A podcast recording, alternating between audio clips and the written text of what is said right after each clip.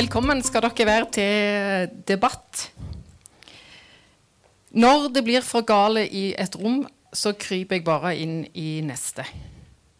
Det sa en av de som Aftenbladet har snakket med i eh, serien vår eh, som heter 'Når alt rakner'. Hun er en av de 20 000 i Norge som sliter med kombinasjonen rus og psykiatri. Og hun er nok blant de 6000 som uh, sliter ekstra mye. Og hun bor midt iblant oss, eh, som så mange gjør. Du kommer liksom ingen vei. Det er ingen vits uansett, sier hun. Og hvorfor klarer vi ikke å hjelpe de som er de svakeste blant oss? Det skal vi spørre noen av de som har mest ansvar for nettopp det, om i kveld. Jeg heter Solveig Grødem Sandelsson. Jeg er debattredaktør i Aftenbladet. I panelet som dere skal møte om litt, så har vi med oss eh, statsråden for helse, Bent Høie.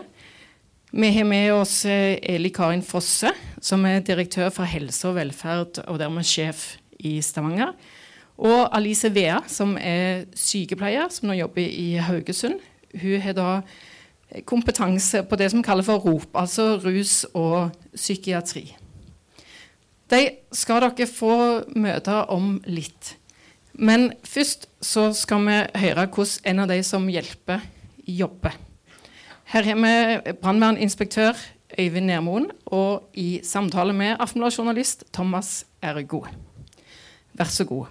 Og mens de holder på å rigge seg til, så bare kom fram og sett dere her, panel.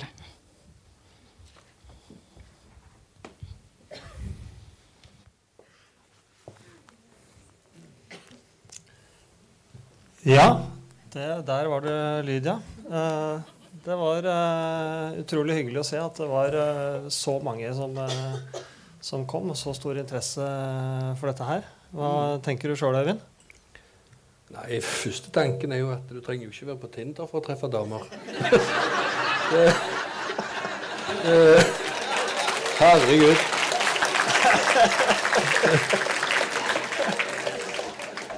Ja.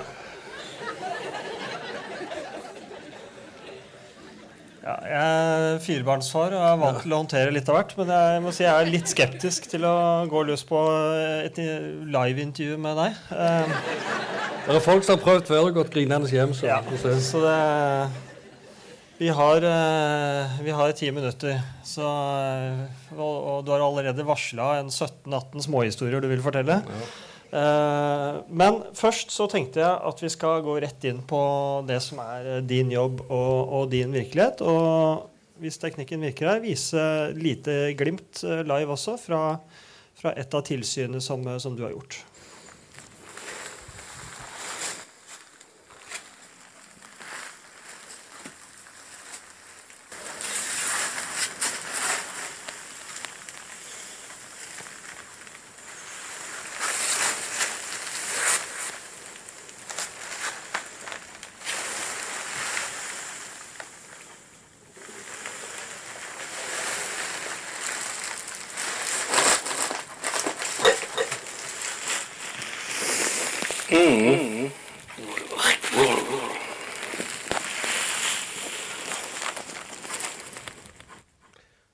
Over 90 år, fant henne frøsen og forkommen i et hjørne i et gammelt hus.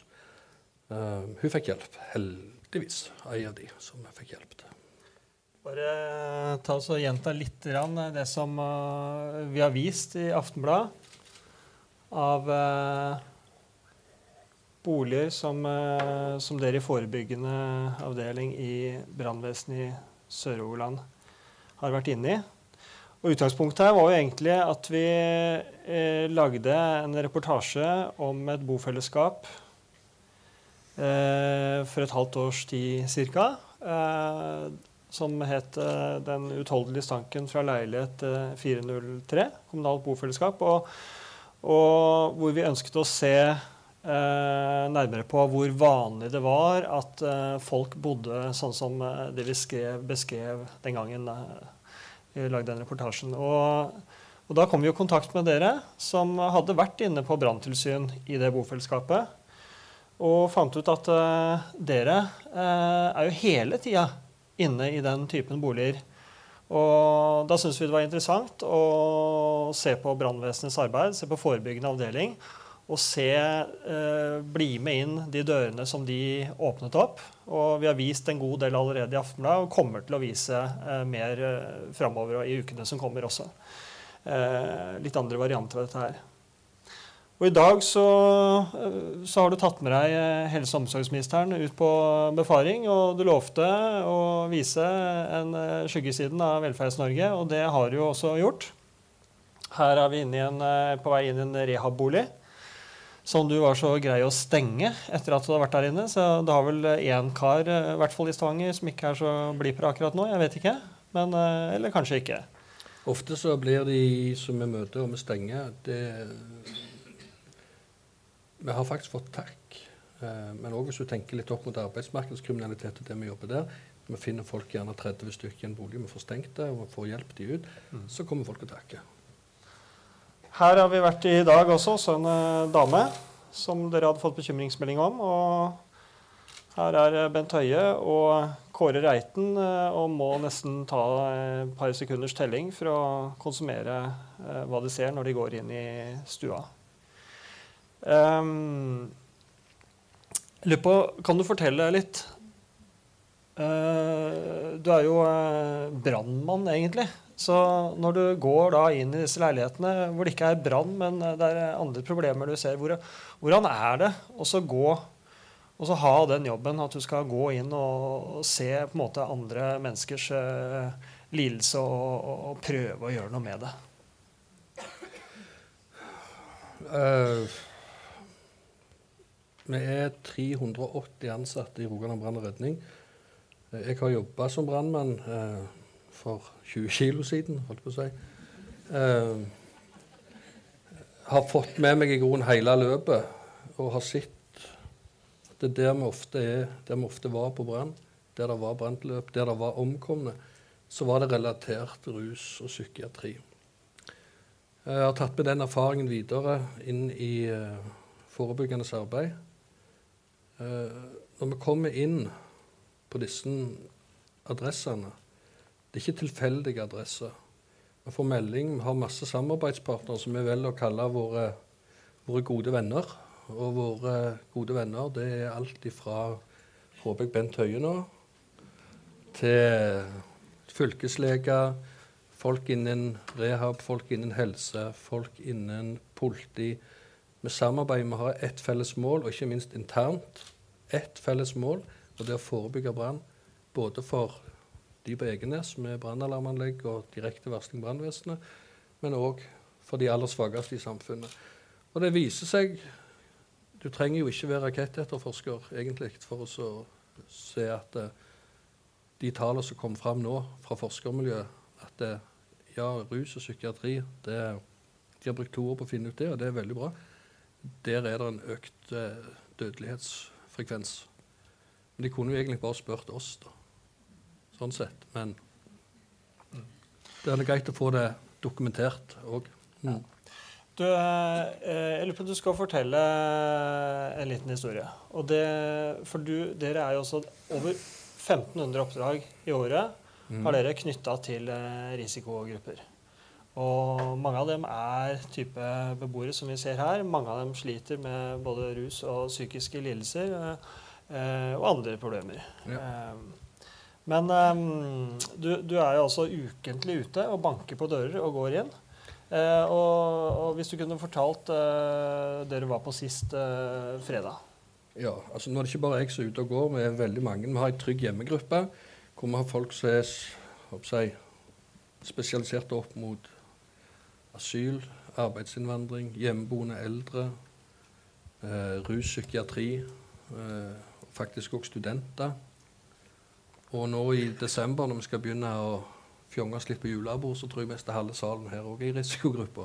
For det, det, har litt med Men det er klart, vi har jo et system, og vi har kontroll på det. Men jeg kan si hvis du, hvis du tar deg ei kule på, på, et julebord, så, så er det gjerne den gangen i året. Uh, men de som har disse kulene døgnet rundt, året rundt, det blir en for høy risiko. Det er det ikke tvil om. Hva lurte Ergo på? Nei, det var denne historien eh, forrige fredag. Ja, Eh, og stikkord er ryggsekk. Ja, stikkordet ryggsekk. Eh, spole, spole, spole. Det er jo så mange. Den, ja. Eh, ja, vi hadde vært ute på en brann. Ikke jeg, men mine kollegaer. De ser at her er det ikke bra. Nå skal jeg legge om tempoet litt, skal jeg ta litt fort. Så Det det går fint. det går det bra. Ja, eh, men de hadde vært med brann. Eh, det som skjer, er at eh, idet de skal gå, så prøv, ser de at eh, denne personen prøver, eller faktisk setter fyr på seg sjøl.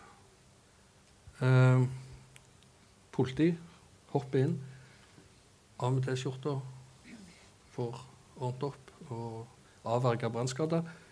Eh, hun blir tatt med for å få helsehjelp.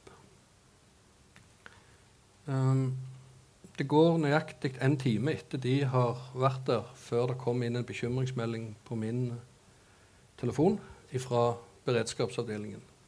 For de òg er en del av Trygg hjemme. Men det som er så kult, halve time etterpå det så kommer det bekymringsmelding fra politiet på akkurat samme adresse, uavhengig. Beredskap sender, politiet sender. Samfunnet begynner å bli bevisst på at for å forebygge, så må faktisk det gis beskjed til noen som kan ta et tak. Så eh, vi reiste ut. Jeg tok med en ganske nyansatt, for jeg tenkte vi får ta en sånn liten leitutgave herrene, så det ikke går rett i hardcoren. Det nytter ikke. Så eh, vi kom fram, og da fikk vi bare beskjed om at nei, nei, nei, nei, ikke besøk, ikke kom, nei. Og da måtte vi jo snu. Du skal ikke gå inn til noen som ikke vil ha deg på besøk. Og det er jo bare tull. Ja, klart vi stoppet ikke. Jeg gjorde ikke det. Det skulle tatt seg ut. Så det er et gå tre-fire steg til, holde opp en røykvarsler og si ja, men det er jo meg. Du kjenner meg. Jeg har jo vært hos deg for noen år siden.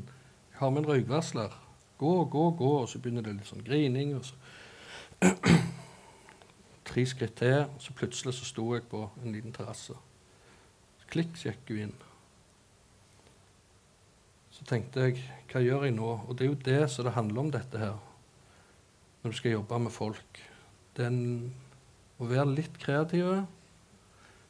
Eh, så jeg tenkte, ja, jeg legger fem fingre Nei, jo, det er fem fingre på ruta.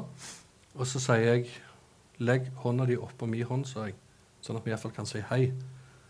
Og så kom det ei skjelvende hånd fra andre sida, sånn som det er i fengsel når vi skal Sånn på film. på, sånn på film. Så holdt hun hånda si til min hånd, og så sa jeg nå, sier jeg. Nå holder vi hendene til hverandre. Klikk, sa det, så gikk døra opp. Så gikk jeg inn, og så begynte hun å grine. Og hun var så lei seg, for det var en ryggsekk som hun ikke fant. Og den sekken den betydde så uendelig mye for henne. Eh, der var hele livet hennes. Så eh, hun hadde prøvd, hun hadde ringt til politiet, hun hadde ringt til sykehus, hadde hun ringt alle veier. Hun hadde vært nede på, på den plassen i kommunen hvor hun går og snakker med folk med sine utfordringer innenfor rus. Eh, så det kan ikke være så forbanna vanskelig å finne en sekk. Det er i 2017, sant? Så jeg ringte til politiet. Så sier jeg hei, det Øyvind, kan dere ta en liten sånn Sherlock-stykk ned i sykebiler, politibiler og sykehus. Og for den sekk som betyr veldig mye for et menneske. Andre ville gjerne tenkt at det er jo bare en dum sekk, du kan kjøpe en ny. Men det er ikke bare en dum sekk. Den betyr veldig mye for dette mennesket. Med alt som er oppi. Og ja, ja, ingen problem. Så ringer politiet etter ti minutter. Ja, vi har funnet sekken. Han er på B3. For Flott. B3 det er. Det er på sykehuset. Mm. Ehm, og så ehm, sier vi at vi skal hente sekken. Den skal vi få tilbake. Og Da merker du tilliten kommer, for hun er redd vi kommer der for å legge henne inn, lure henne inn på psykiatrisk. Tror det. Jeg tror det er politi med oss som skal ta henne i håndjern. Og når vi sier vi skal hjelpe henne til sekken og går, så ser vi at du rett og slett Et lite glimt av tillit. Så reiser vi til kommunen og snakker med primærkontakt. Sier jeg vi har vært der og der og der. Ja, herregud, jeg holder på å lete etter den sekken. Ja, Men den sekken, den vet vi hvor er. Den er på B3. Åh, så bra. Jeg skal reise og hente den. Flott, sier jeg. Så idet hun skal reise og hente sekken, så kommer det en person som må snakke med henne. Så hun kan ikke hente sekken. Men det er jo ikke brannvesenet sin jobb å reise og hente en sekk. Det står ikke i stillingsinstruksen. Nei, nei, nei. nei. Så, så det gjorde vi jo, for å si det sånn. For det at eh, Det er de der små puslespillbitene som skal på plass. At det, det betyr mye. Da må du på en måte tenke at det jo Tenk samfunnssikkerhet nå. En sekk kan faktisk føre til samfunns... Det høres gjerne litt ko-ko ut, men det, det, kan faktisk føre til økt, økt eh, brannsikkerhet. Så eh, jeg sendte hun inn hun nye for å hente den sekken. Jeg måtte opp i steinbruddet. Det er kontoret, da. Eh, og så sa jeg til henne, som er ny, at eh, her har vi Siden du er ny, så, så tenker jeg at dette er mye lærdom i det som vi har gjort nå, sier jeg. For det første så har vi drevet voksenopplæring. Ja, hva måte da? Jo, vi har drevet voksenopplæring i form av at uh, vi viser andre etater som jobber med mennesker, hvordan det går an å jobbe. At du ikke trenger å jobbe innenfor den boksen som du akkurat er satt til. Du kan tenke alternativt, for den sekken vil til slutt havne oppi den forebyggende brannboksen. Så um, jeg kom, Hun kom til kontoret mitt og sa her er sekken. Even. Så visste jeg hun hadde snakket om hun hadde hatt kontakt med bypresten. Så jeg ringte bypresten så sa jeg at uh, Hei, Rune, sier jeg. Det er Øyvind. Rune er òg en av våre gode venner. Bypresten. Så sier jeg hei, Rune, det er Øyvind. Uh, jeg skal til bla, bla, bla, bla. Ja, skal du det? Er vel leite etter sekken? Han òg. Det ble, ble litt sånn artig, faktisk. Ja, slapp av, mann. Den har jeg i bilen. Ja, åssen jeg har den i bilen. Jeg orker ikke begynne å fortelle alt på nytt. Så meg og bypresten reiser, og hvem andre møter vi blaute, kalde, underernærte Ja, han er jo ikke lege, da, men du, du ser ganske fort at mennesket er slite. Eh, hadde sovet uten natta før. For, forklarte oss før på dagen. Lå ute og sove, men det hadde kommet en katt. da. Så det er litt selskap i den, og sikkert litt varme òg. Men det er jo ikke bra når det nærmer seg desember. Ja. Det er sludd i lufta og kaldt og sånn ufyselig vasskaldt, som vi sier. Sant? Du kan lett, spesielt hvis du har dårlige Hvis du er nedkjørte fysisk, så kan du lett, kan lett gå gale. Eh, der gikk hun på en skogsvei alene. Så gikk vi ut og snakket med henne. Så prøvde jeg å snakke litt at du kan ikke ha det sånn som dette her. Du, du trenger hjelp. Nei, dere kommer bare her for dere skal ha meg inn på psykiatrisk. Vi gjør ikke det, sier jeg. Men så tok bypresten inn i bilen. Satte på varmeapparatet, og så kjørte jeg, og så var jeg ferdig med saken. Tulla. Det er da det begynner å bli kjekt. For det som skjer da, er at jeg ringer vår gode venn kommuneoverlegen. Og så sier jeg hei, sier jeg. Det er Øyvind. Eh, her er ei dame så Ja. Alt. Hun trenger alt, sier jeg. Hun trenger omsorg, hun trenger varme, hun trenger mat, hun trenger seng, hun trenger alt. Ja, men da vet jo du like godt som jeg, sier han, at jeg kan gjøre et vedtak om tvungen legeundersøkelse. Men da blir hun utskrevet igjen i kveld, gjerne senest i morgen tidlig. Uh, og er tilbake akkurat der hun var. Ja, jeg er helt enig, sier jeg. Det, det er ikke bra. Men, sier han, det har kommet en plass nå med en sengeplass hvor det er sykepleiere. Eh, og litt tilsyn. Det er, ikke, det er, ikke, i nærheten av en sykehusavdeling, men det er litt tilsyn. Så sier jeg eh, Men, sier han, du er nødt til å kjøre innom legevakten for å få rekvisisjon for å bli lagt inn der. Eh, flott, sa jeg. Takk for godt råd. Så ringte jeg til vår gode venn i kommunen. Så sier jeg hei, det er Øyvind. Eh, jeg har ei dame. Samme historien. Blaut og kald. Uh, hun trenger ei seng. Har du ei seng? Ja, jeg har en seng, sier han. Jeg skal ringe og gi beskjed at du kommer. Men det der legevaktgreiene, sier jeg. Det er, jo, er det ikke noe triks i ludo, sa jeg. Jo, det er alltid det. Glem legevakten. Helst av seg hun kan komme. Ehm, jeg ringer til bypresten, og de takker, og de er på vei til adressen. Siden jeg har en veldig kul eh, arbeidsplass da, eh, med lønnsforhandlingene slutt, så det er jo ikke derfor jeg skryter av lederne, men det at du slipper å spørre om alt, det er så herlig at de har tillit til at den avgjørelsen du tar, den gjør du fordi at det, det er i forebyggende øye med. Så jeg ringte pizzabakeren. Og så sa jeg jeg skal ha to pizzaer. Ekstra ost.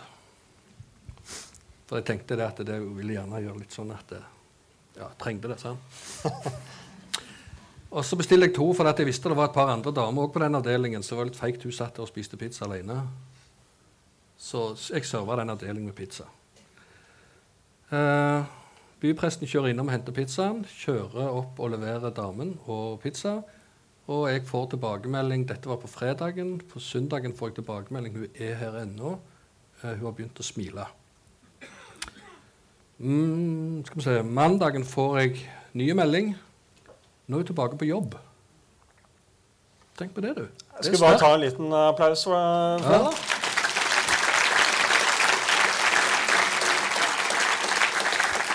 Ok, men til slutt så skal helt kort uh, nevne en, eh, en Jeg jobba med han i tre måneder jeg nå. En fin en, fyr. en Ja. liten, eh, liten eh, kontrast. eh, for eh, du fikk en henvendelse eh, for ikke lenge siden eh, fra en annen kommune. Ja. hvor, hvor de hadde lest om dette arbeidet som eh, dere Det forebyggende arbeidet og metodene dere jobber etter. Og samarbeid på tvers og, og skaffe hjelp. Um, og, og, og var interessert i å få til et samarbeid i en enkelt sak. Dette gikk fryktelig seint. Han sier 'jeg skal bli ferdig'. Vær så god. Takk. Da ringte en eh, ambulansesjåfør til meg og sier som har sagt, han hadde lest om dette. Han var fra en annen kommune, eh, så ikke brannvesenet eh, har eh, si, servet. Eh, men han tenkte jeg kunne gi beskjed til det aktuelle brannvesenet, siden vi hadde gode, etablerte rutiner. Klart det, sier jeg. Send til meg, så skal jeg snakke med brannsjefen i den kommunen det gjelder. Så skjedde det ingenting. Så måtte jeg sende purring til han at jeg har ikke hørt noe. Så kom det på i forrige så kommer det en mail. Hei, beklager sent svar. Jeg har snakket med min sjef. Han har sagt at pga. vår taushetsplikt så kan jeg ikke opplyse om hvor denne adressen er. De forholdene han beskrev til meg Ikke bra. Da ble jeg litt sånn rørt, fordi at um, Hva, hva sier Forbanna eh, greier. altså, rett og slett nå Nei, sorry, den. men det er den jeg sitter med. Forbanna greier. At det skal være sånn, tenker jeg. Jeg ble rett og slett irritert. Ikke på han, men på den lederen som sier at det, du har ikke lov, for vi har taushetsplikt. Men den lederen den kjenner ikke til helsepersonelloven i paragraf 31. Der står det hvis du kommer over Det er ikke det jeg er sint på. Men hvis du kommer over folk som er i fare for seg sjøl eller for andre, så står det ikke at du kan eller du bør eller sånn. Du skal melde til politi, og du skal melde til brann. Så den lederen der kan ta, hvis han hører dette, kan ta en telefon til meg. Så skal vi ta en prat. Og, det, og er dette litt uh, symbol på Når du og dere kollegaene dine er ute i felten, så, så merker dere at eh, det er ikke alltid eh, hjelpeapparatet har så lett for å finne løsninger heller. Det er en del snubletråder. Eh, Jeg treffer ufattelig mye fine folk på jobben. Folk på gulvet, sosionomer, miljøarbeidere, folk som jobber innenfor rus og psykiatri. Eh, Du kan òg gå til boligbygg, eiendomsavdelingen eiendomsavdeling i kommunene. Folk smadrer detektorer, ødelegger brannslingsapparat, brannalarmanlegg. De kommer, koster opp, setter opp på nytt. Så går, går det to dager. Samme brannalarmanlegget ned igjen. Det har jeg hatt flere tilfeller av. De kommer, skrur opp, setter på plass, og de vil hjelpe.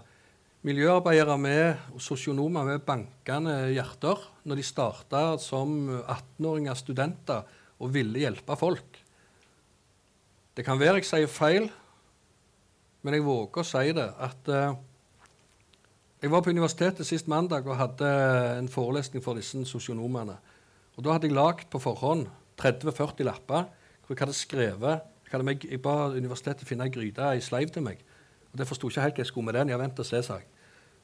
Og Da hadde jeg med lapper. Så sa jeg nå skal vi lage tilsette de ingrediensene for å lage et godt menneske og utdanne et menneske til å jobbe med folk. Og der oppe var det empati, det var tålmodighet, det var raushet, det var eh, Jeg tror jeg faktisk heiv oppi en snusdås òg, men den tok jeg ut igjen. Jeg gjorde det. Jeg, gjorde, jeg gjorde det. Eh, det må vi ha en prat om etterpå. Og så eh, hadde jeg en lapp som det sto 'Den du var' på. Og det er litt viktig. For alle mennesker har noe unikt. Sant? Noe som er de. Eh, kanskje de er flinke til noe. sant? Eh, ikke kanskje, de er flinke til noe. Alle er flinke til noe. Eh, så heiv jeg oppi den lappen 'Den du var'. Og så en stund etterpå, når det hadde havna ganske mye forskjellig løye oppi Jeg hadde oppi bl.a. sukkerkulør. Men det sa jeg at det trenger du egentlig ikke, for det er jo bare fake. Så, men det er bare for pynt. Og så heiv jeg oppi en lapp så det sto 'Den du er blitt'. Og Det var da mitt budskap til disse sosionomstudentene var du skal ta den du er, og den du var, og så skal du ta den du har blitt, og så skal du blande de sammen. Da blir du god å jobbe med folk. Og så hadde jeg én ingrediens til. Eh, for da tenkte jeg jeg kunne ha litt kokekjøkken for de òg, for det er jo unge folk. Så, så sa jeg når at du holder på å lage pinnekjøtt, sier jeg, så hvis du skal tilsette mer væske, så er det viktig å ikke helle dette rett over pinnekjøttet. Du må liksom tilsette det langs sida. Så nå skal jeg tilsette det siste, siste ingrediensen, sier jeg. Og det er lovverk. Så smøg jeg lovverket helt langs kanten, og så la jeg det i bånn. Helt i bånn. Og så rørte jeg. For det at eh, hvis du legger lovverket på toppen, da har du dreid den. For å, rett og slett, da har du tabba deg ut. For da får du ikke hjulpet folk. For da ligger det masse å trykke under og vil opp og vil hjelpe. Nei, det er ikke lov. Nei, det er ikke lov. Bare sitt bak den pulten du, og så skriv noe. Men vi legger det på bånn, og så boltrer vi oss oppi der. Og så er det sykt viktig å ha det kjekt på jobb. Har du det kjekt på jobb, sånn som vi har, så får du òg bedre resultater i det du gjør. Du er du trygg på at du har lov å gjøre feil uten at noen kvister deg etterpå? Da gjør du òg en god jobb. Og jeg har hatt brannsjefer, han som er nå, og han som slutta. Jeg har hatt litt sånn, jeg var på et uh, ledermøte. Hvordan er status, Øyvind? Ja, status er vel den at jeg, jeg drar jo strikken langt mange ganger for å hjelpe folk. Så sa han, gamle brannsjefen, 'Fortsett å strekke strikken', sa han. Og det er så kult, for det at eh, når du har den fri Og hvis, skjer, hvis du skulle trå feil, så skulle trå feil, så skal vi stå der med deg i retten. Vi skal stå der, vi skal støtte deg, vi skal bakke deg opp, vi skal forsvare deg. Når du går ut på jobb og ikke er redd, så gjør du pokker ikke feil heller. En, det er ikke dette jeg skal si, det er ikke tull. Jeg gjorde en feil. Er jeg, og det er ikke det jeg går rundt og prøver ikke å gjøre feil, men jeg gjorde en feil. Jeg sendte en mail til ei dame. litt sånn sensitive opplysninger eh, om et eller annet. Og så så jeg at jeg hadde sendt det til henne. Det var ikke noe innen rus og syk, det var noen sånne eiendomsgreier. Og folk er rike, så kan de av og til lage litt problemer. Så tenkte jeg åh, nå skal jeg skrive et avvik på meg sjøl. Herlig, tenkte jeg. Så skrev jeg avvik på at jeg hadde sendt mailen feil, og sendte den av gårde. For sånn Jeg starta som feier for 30 år siden snart. Og så når jeg var på Sandve og feia, det var et litt finere strøk der det kosta huset mest en million. Um, og så takpanner. Og så under de glaserte takpannene, hvis det lå bitte litt sand, og du trødde på de, så knuste takpannene. Jeg måtte gå til min avdøde sjef, Gottfred Tengesdal, og si Gottfred, jeg har knust noen takpanner. Ingen problem sende opp folk og fikse. To dager etterpå er Gottfred, jeg har knust takpanner igjen. Tenkte jeg, skal du ikke bli sur? tenkte jeg. Så sier han til meg at Vet du hva, Jon? Jeg er mye mer bekymra for de som aldri knuser takpanner, sier jeg. De stiller jeg litt spørsmål med. Men dette viser iallfall at du faktisk er på jobb og gjør noe. Så fortsett å jobbe. Og, og det, det, var ganske klokt. Uh, ja. Jeg tror vi skal be Øyvind Nermoen om å komme bort uh, til oss og til uh, noen av de som sitter her og er sjefer og kan legge lovverket øverst eller rundt kanten, eller hvordan de nå vil ha det. Eh, takk til Thomas Ergo. Du skal få en liten pause. Øyvind Nermoen vil vi gjerne ha med her. har med Thomas også, jeg.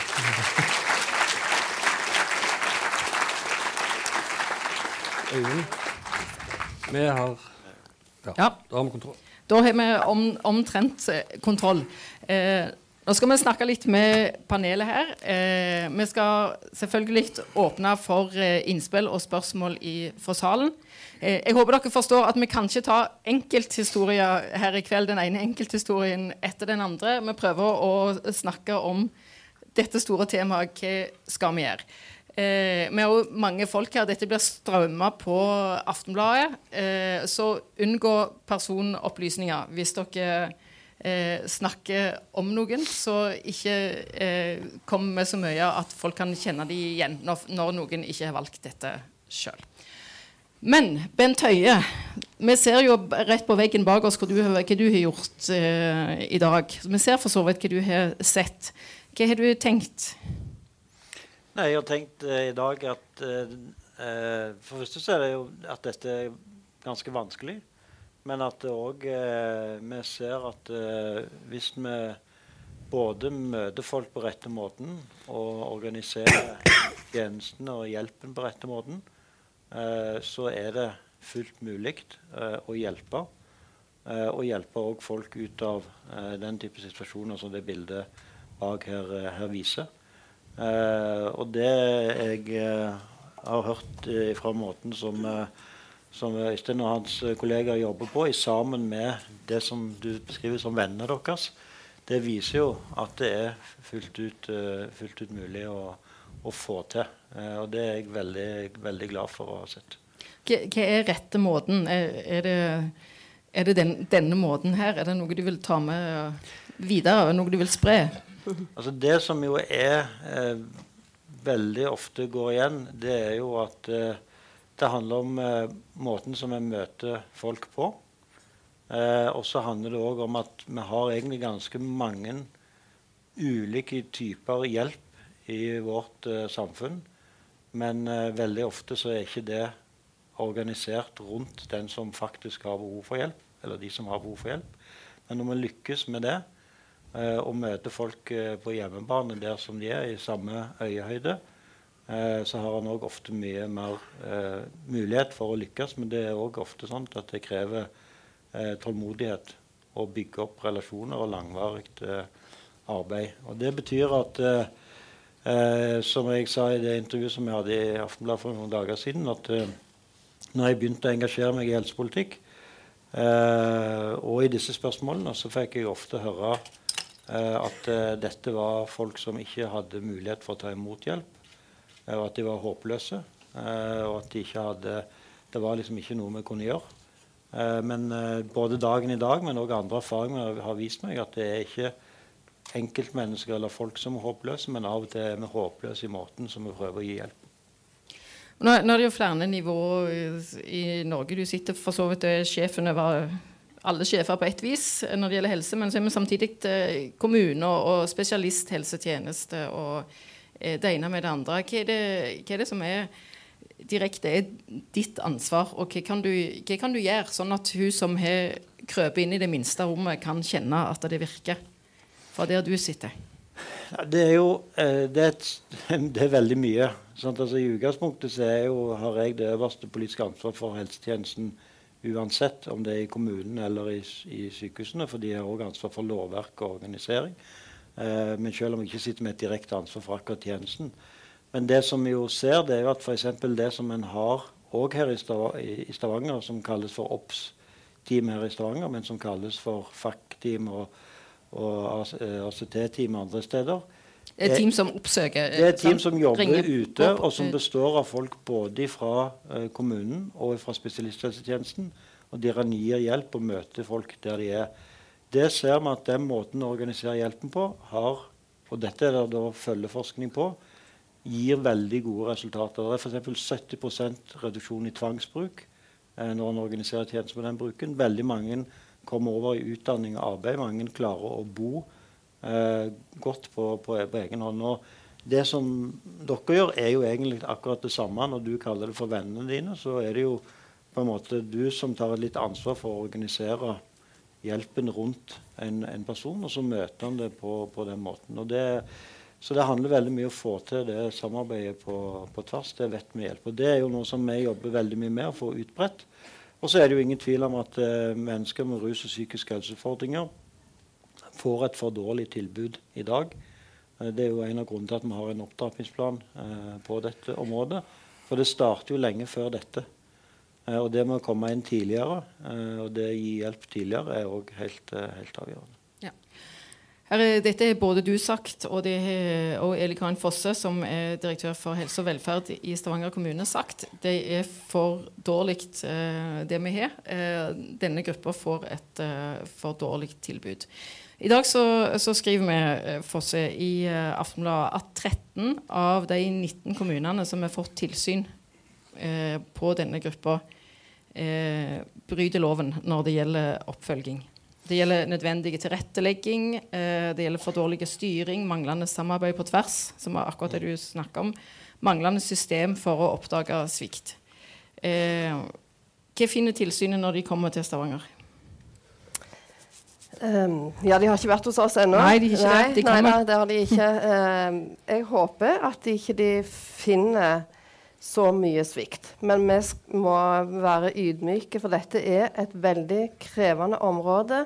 Og vi har sett eksempler i dag, og vi har sett eksempler i artikkelserier på situasjoner som vi ikke vet om er herfra, men som sannsynligvis også er fra vår kommune, hvor, uh, hvor det har svikta, uh, og hvor vi ikke er gode nok.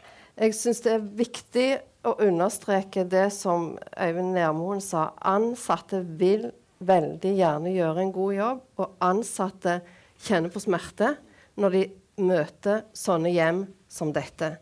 Ansatte kan kjenne på maktesløshet. En kan kjenne på at Oi, hva, hva har svikta? Hvorfor har vi ikke klart å fange opp dette? Hvorfor har vi ikke klart å hjelpe her? Har vi feil tjenester? Har vi for lite tjenester? Har vi oversett noe? Har vi ikke klart å gripe inn? Har vi ikke mulighet, Er vi ikke tøffe nok med lovverket, som du sier? Har vi vært for redde for å gripe inn? Tøff empati snakker noen om. Eh, vi, vi, må følge loven, men vi kan godt trekke eh, Vi kan godt gå et stykke lenger noen ganger for å være sikker på at vi har gjort absolutt alt som står i vår makt, og som er innenfor det lovverket vi må forholde oss til, for å nå fram til mennesker som har det sånn som dette. Så, så, jeg tenker ja, sannsynligvis så vil vi òg kunne få den type eh, tilbakemeldinger. Vi har gode systemer for å fange opp svikt, og vi jobber veldig iherdig når vi oppdager avvik, som du snakket om, Øyvind. Når vi ser at uh, vi får identifisert og får meldt inn svikt, så prøver vi å jobbe for å forbedre ting. Og jeg tror gradvis så har ting blitt bedre òg, men vi har fortsatt en lang vei å gå. Og så er det det at denne gruppen som vi snakker om her, mennesker med omfattende rus og psykiske lidelser, trenger hjelp fra mange instanser samtidig. Fra kommunen, fra kommunehelsetjenesten, fra sosialtjenesten, fra fastlegen, fra spesialisthelsetjenesten, noen ganger fra brannvesenet for å holde leiligheten i brannsikker stand. Noen ganger trenger en politiets hjelp. En trenger nettverk og familie og pårørende. Det er veldig mange som trenger å samhandle for å gi et verdig og godt tilbud til denne gruppen. Og den samhandlingen er vanskelig å få til. Det jobber vi med hele tida. Men jeg ser dere skriver det at det er noe av det som eh, tilsynet har påpekt, at vi får ikke til den samhandlingen.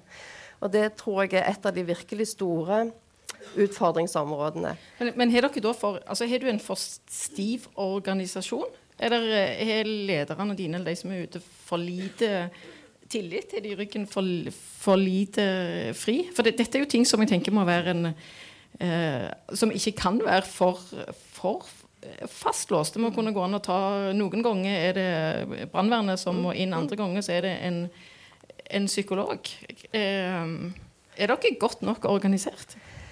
Det er sikkert ikke godt nok. Det kan alltid bli bedre. Og vi er hele veien i en forbedringsprosess. Men jeg tror at vi har mye tjenester som er fleksible. Vi har, som helseministeren snakket om, et oppsøkende behandlingsteam som utelukkende jobber oppsøkende. Vi har et Housing First-team som utelukkende jobber oppsøkende for å hjelpe folk til å bo. Vi har miljøarbeidertjenester som jobber ute. Sånn at vi prøver å være fleksible. For det vi vet om denne gruppen, det er at uh, det å komme på et kontor til avtalt tid, det funker ikke veldig godt. Du må møte folk ute på deres egen arena. Og så har vi gode eksempler fra de senere årene på et veldig godt samarbeid med brannvesenet. Noen ganger er det vi som varsler brannvesenet og ber om hjelp til å komme oss inn i en bolig. Andre ganger er det Øyvind og hans folk som ber oss om bistand for å ta vare på et menneske som dere har funnet i, i en veldig elendig forfatning. Sånn at det, de tingene der kan bare bli bedre. Det er den veien vi må gå. Ja, når jeg, jeg, jeg, dette jeg kan ikke helt slå fast om hvor godt stemmer, men jeg har hørt om en, en fransk psykolog, ei veldig erfaren kvinne som jobber i det som er tilsvarende barnevernet i Frankrike. Hun har en kontordag i uka.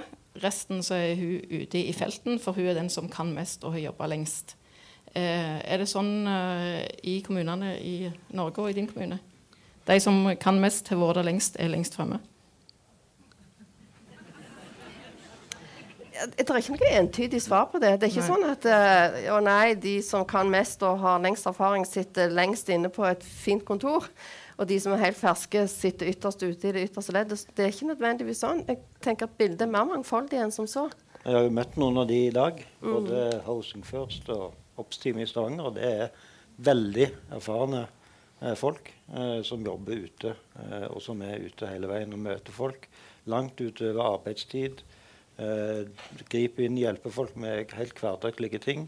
Eh, tar med seg en, hørte historie, tar med seg en pose med en maskinpistol og leverer inn på politiet og sier ikke hvor han kommer fra. Eh, for det er det som er utfordringen der og da. Sånn at det, det er mye flinke folk mm. som jobber, jobber akkurat på, på, på, den måten. Og det er jo, dette handler om de grunnleggende menneskelige behovene som har alle sammen, helt uavhengig av hvor vi er i livet. Det handler om det som kan si at det handler om eh, i, med og for. Og vi trenger alle noe å leve i, altså en bolig. Vi trenger noen å leve sammen med. altså Vi trenger folk rundt oss som er våre nærmeste. Og så trenger vi noe å leve for. Eh, og det er å ha eh, arbeid, aktivitet og ting i livet som gir, gir mening.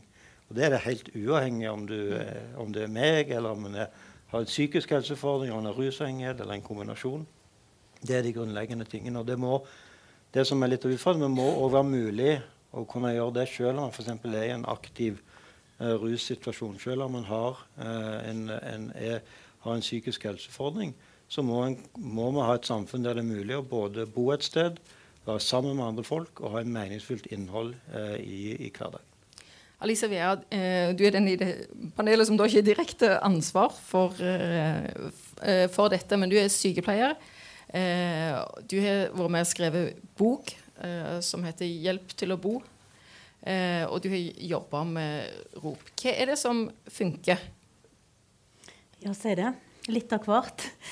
eh, I forbindelse med at vi skrev den boka, jeg og to kollegaer, Amund Åkerholt og Borghild Tønnesen, har vært med skrevet den, eh, så var vi rundt omkring i ulike kommuner. Vi så på mange ROP-tiltak. Eh, bofellesskap, vi så på FACT-team og Housing First var begynt å komme da. Nå er det litt over et år siden denne boka kom ut.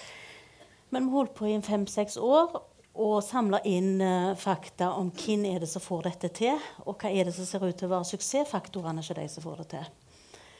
Det var ingen spesielle boliger som pekte seg ut. Det har jeg delt med Husbanken.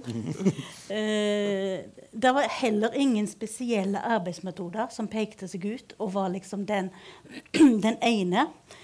Eh, det som vi tvert imot så, det var at der så de hadde et bredt spekter av arbeidsmetodikk, der de gjerne hadde ulike faggrupper i samme time. Vi var i en bolig der var åtte ansatte, fire som bodde der. De hadde sju forskjellige profesjoner. Eh, måten de utfylte hverandre på de ulike arbeidsmetodikkene som kunne tas inn og ut alt etter hvordan situasjonen var for den enkelte, det var en stor suksessfaktor. Eh, så I boka vår så ramser vi opp en hel del eh, modeller for å organisere denne type arbeid inn mot bolig. Og så kommer vi med en del eksempler på arbeidsmetodikk fra ulike leirer. Ikke bare sykepleiere, men vernepleiere, pedagoger, sosionomer, psykologer. Eh, filosofer har vi vært borti som har jobba i sånne tiltak. Eh, så det er nok det mangfoldet endte vi opp med, som er suksessen. Og da blir det enda vanskeligere å organisere det. eh, nå, nå, skal vi Hvis jeg får hvor er, Linn, hvor er du henne? Passer du? Du er der. Dette er, nå, det er Linn Tønnesen fra eh, Sølvberget som har fått organisert dere så bra at vi tror eh, brannvernet øverst der oppe er fornøyd med at vi ikke slipper Ja, de nikker, de er fornøyd med deg, Linn. Eh, Linn tar med seg en, en, mikrofon, sånn at dere kan eh, gi et eh, vink eller rette opp ei hånd eh, hvis dere gjerne vil komme med spørsmål til panelet her. Eh, ja.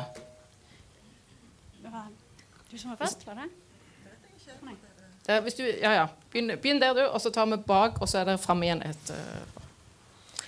Ja, altså Jeg lurer på hva konkret dere tenker eh, skal til for å forbedre dette. For dette dere sier nå, det er bare snakk, som vi har hørt før.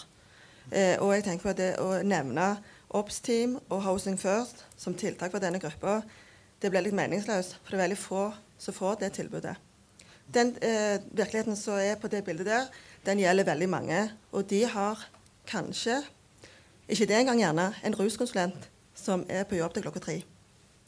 Eh, og det har vi etterlyst så lenge som pårørende at det, det må komme en heldøgnsomsorg. Hvorfor eh, blir det ikke det?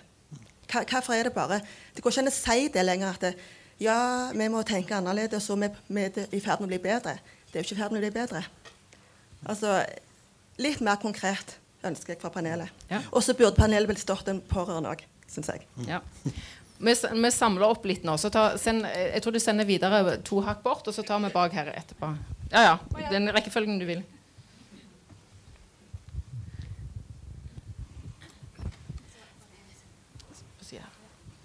Jeg, jeg, ser jo at det er voldsomt flott med alle etater og alt slags sånne ting, men jeg savner jo òg pårørende i den, det bidraget som skal hjelpe den som har havna utpå hvor blir det kobla til henne? Og så tenker jeg òg litt på i forhold til det bildet vi ser der, så tenker jeg eh, det er en som har vært eh, nedpå ganske lenge. Eh, kanskje. Jeg vil tro det. Men det er jo noen som er på vei ned. Hvordan blir de fanga opp? Ja, det var de to. Hei, mitt navn er Preben. Jeg representerer RIO, og i dag slår jeg et slag for Veiviserprosjektet. Eh, vi trenger et mangfold av tilbud, og noen ganger så er det avgjørende med en sengepost. Derfor lurer jeg på om det går an å, her å få en avklaring. Har dere tenkt å legge ned Ryfylke DPS? Eh, nå er det lagt ned DPS-en på Strand, og hvis eh, DPS-en her på Randaberg blir lagt ned, så er vi minus 20 plasser de tre siste årene. Eh, og vi er litt usikre Rio på hvordan kommunen og Helse Stavanger har tenkt å fylle det tomrommet som blir hvis DPS-en blir nedlagt. Og så lurer jeg på om det er i tråd med de retningslinjene om satsing på rus og psykiatri som regjeringen har gitt ut signaler på. Takk. Vi tar ett til inn, og så skal de få svare før så vi ikke glipper Ja, jeg kan eh, presentere meg til sosionom Per Birkeland. Det vil jeg vel en, en del av årsakene for fototemperaturen her. Jeg satte satt et innlegg i uh, Aftenbladet 1.11. Og da skrev jeg at jeg som sosionomsjef skjemtes at ingen klarte å få til et eller annet. For slik som uh, det vises her, så er det helt hårreisende. Det som er faktum, det er jo det at Øyvind som sitter rett foran meg, han er jo helt fantastisk. Han burde klappes for. Det er han som er den beste her. En klapp for han. Jeg må bare si tusen takk. Eh, og den klappen den deler jeg ut til alle mine 380 kolleger i Rogaland brann og redning. Den skal de ha. Ja.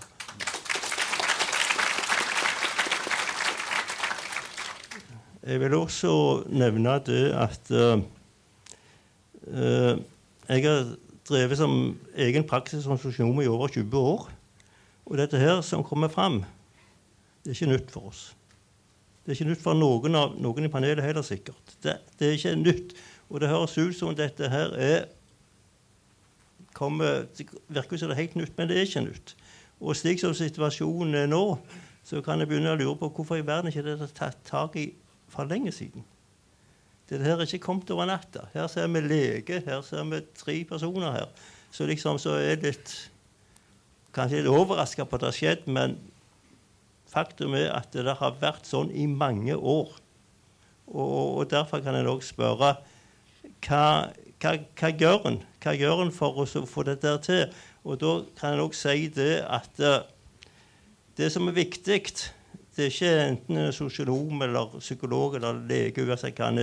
Det er den personligheten. Det å kunne, sånn som så, så Øyvind klarer, å, og komme fram til personen bak Ikke bare høre det verbale, det er det se det nonverbale. Og så se angsten og se den hjelpen den personen virkelig trenger. Det er det som er fantastisk. Det er det som er det viktigste med alt, med all hjelp.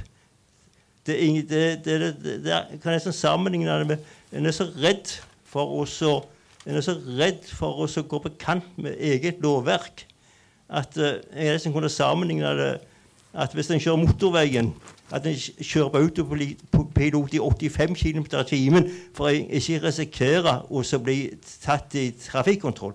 Det det er grenser for alt. altså. En må ikke være så nervøs en ikke tør å gjøre noe. Og det er det som er feil. Det må være folk som, som klarer å handle, og som klarer å se personen bak, bak, bak påstanden og sier 'jeg trenger ikke hjelp'. For det, det den personen, personen sier egentlig 'jeg trenger hjelp'. Det er det som er det viktigste. Og det er det jeg må få personer som er, som er dyktige til å kunne klare dette her. Takk. Ja. Men dere må få, eh, panelet må få svare her. Nå var der, eh, Salen er ikke veldig imponert over hva dere har sagt til nå. Rett og slett. Eh, ingenting av dette eh, er nytt. Eh, vi kan, kan, dele litt på det. De, de, men de pårørende her eh, Fosse, etterlyser heldagsomsorg. At eh, folk Men det nytter ikke bare å ha et team hvis du ikke har noen å oppsøke, kanskje en ruskonsulent du ikke kjenner, som går hjem klokka tre. Kan du gjøre noe mer? Skjønner du hva de pårørende spør om?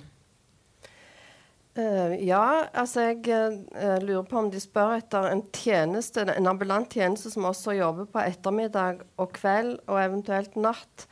Uh, det er en av de tingene vi må se litt nærmere på. Men det, hvis dere spør etter heldøgns omsorg, i den forstand at en trenger boliger med heldøgns tjenester, så har vi en del av det. Vi har 17 15 boliger med heldøgnstjenester med til sammen 144-45 plasser ca. i Stavanger.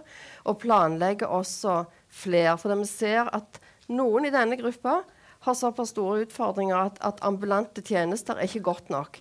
En trenger en bolig hvor det er en personalbase og folk til stede døgnet rundt, eller i hvert fall store deler av døgnet. Jeg tror, Hvis jeg tolker det rett, så kanskje de som ikke er der, men som, som ikke går på et kontor og så trenger hjelp utenom åpningstida.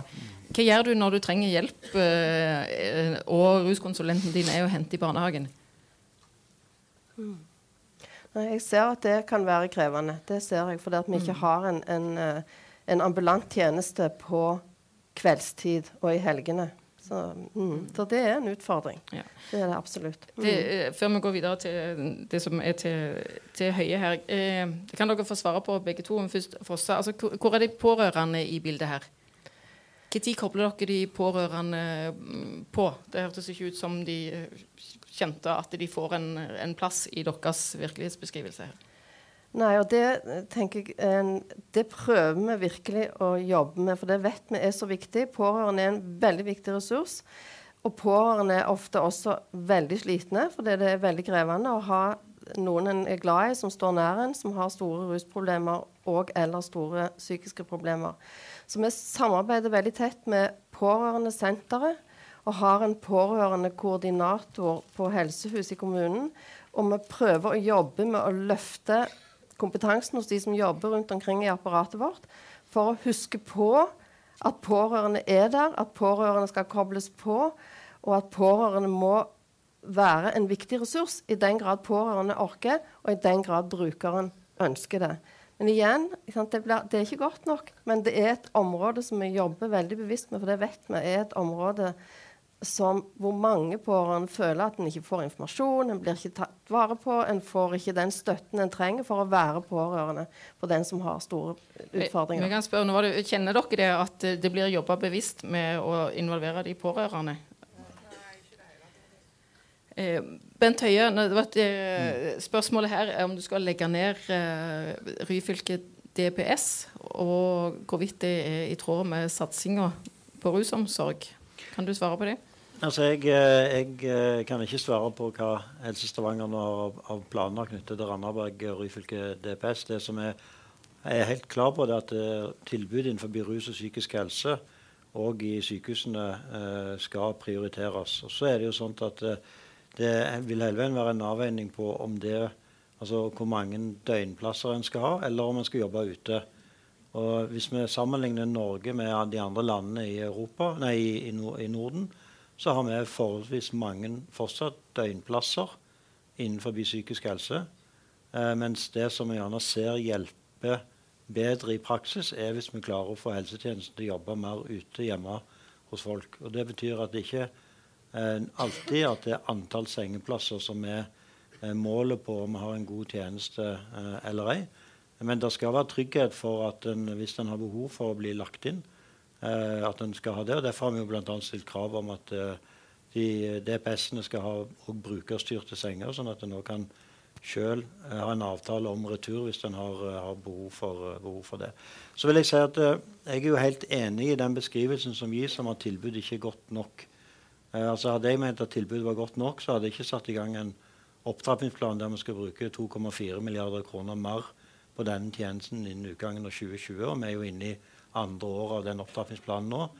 Men jeg vil også likevel si at uh, når jeg snakker om oppstime FAC, uh, Housing First, så er det jo nettopp fordi at uh, hvis en ser disse bildene, hvis en leser reportasjen om det som ikke fungerer, så kan en få en følelse av at det ikke er mulig. At dette liksom klarer vi ikke. Jeg har behov for å fortelle jo.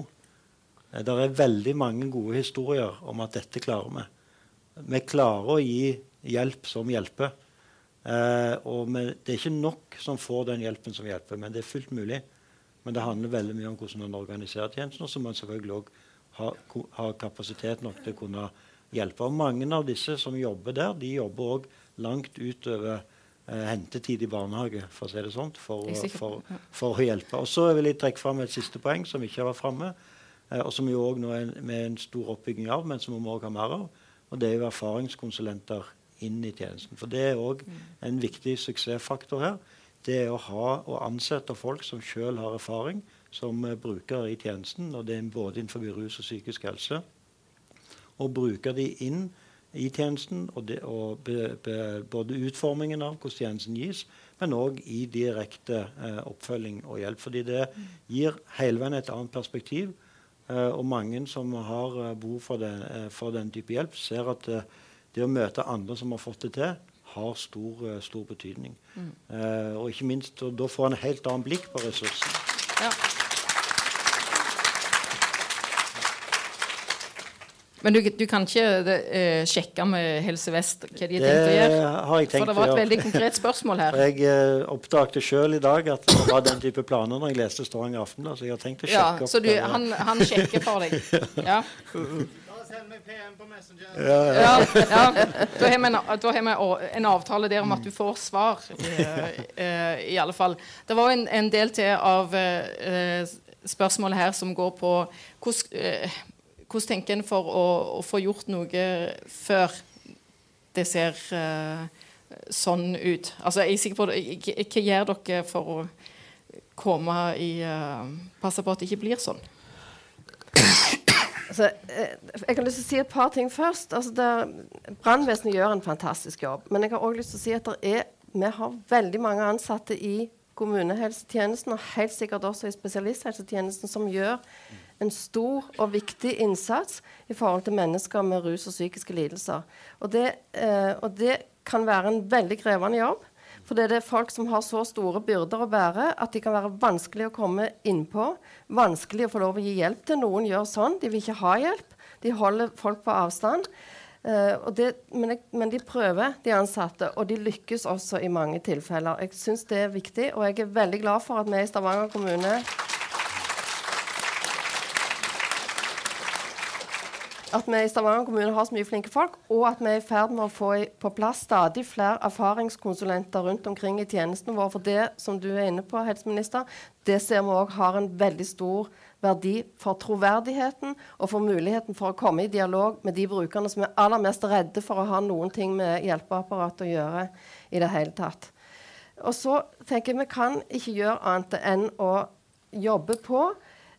Ha, jeg tror en av de tingene som jeg hvert fall jeg tar med meg fra den uh, artikkelserien som Aftenbladet uh, holder på med nå rundt dette, er hvordan i all verden skal vi klare å fange det opp før det har blitt så gale? Vi, hvilke ting skal vi se etter, sånn at vi klarer å stoppe en utvikling før leiligheten ser ut som dette? Hvordan skal våre hjemmesykepleiere, miljøarbeidere, obs-timemedlemmer, andre som kommer i kontakt med brukere, fange opp at noe er i ferd med å rakne før det faktisk har rakna helt og fullt. Eh, hvordan skal vi samhandle enda bedre med brannvesen, med politiet, med fastleger, for å få tak i signalene på at noe er i ferd med å gå gale? Men, men dere jobber jo med dette. Du må jo ha ja. noen ja. svar. Eller det er jo vi som sitter med alle spørsmålene. Men hvilke svar har dere? Nei, men det er det jeg sier. Vi prøver å samhandle på den måten innenfor de rammene vi har ved å informere hverandre, ved å koble på når vi ser at noe er i ferd med å gå gale. Og vi klarer det òg i mange tilfeller. Vi klarer å stoppe en sånn utvikling som dette i mange tilfeller. Vi klarer å ramme inn brukeren. Det det ofte handler om, er i hvor stor grad brukeren, eller den det gjelder, um, skjermer seg. Eller om det er mulig å motivere vedkommende til å ta imot hjelp frivillig. For vi er Stort sett, i de aller fleste tilfellene, bortsett fra når det er ren nød, så er kommunen avhengig av at folk er villige til å ta imot hjelp, villig til å la oss hjelpe dem til å få livet på rett kjøl igjen. Ja. Linn, jeg tror du har flere i salen. Uh,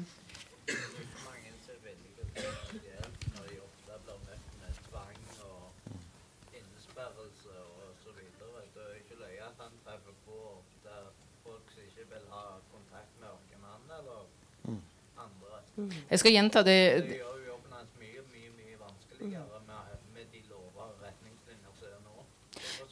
Det er jo At vi bryter loven, det, det Men at dere bryter loven, det må jo være Ja, den skal han ha klapp. Den var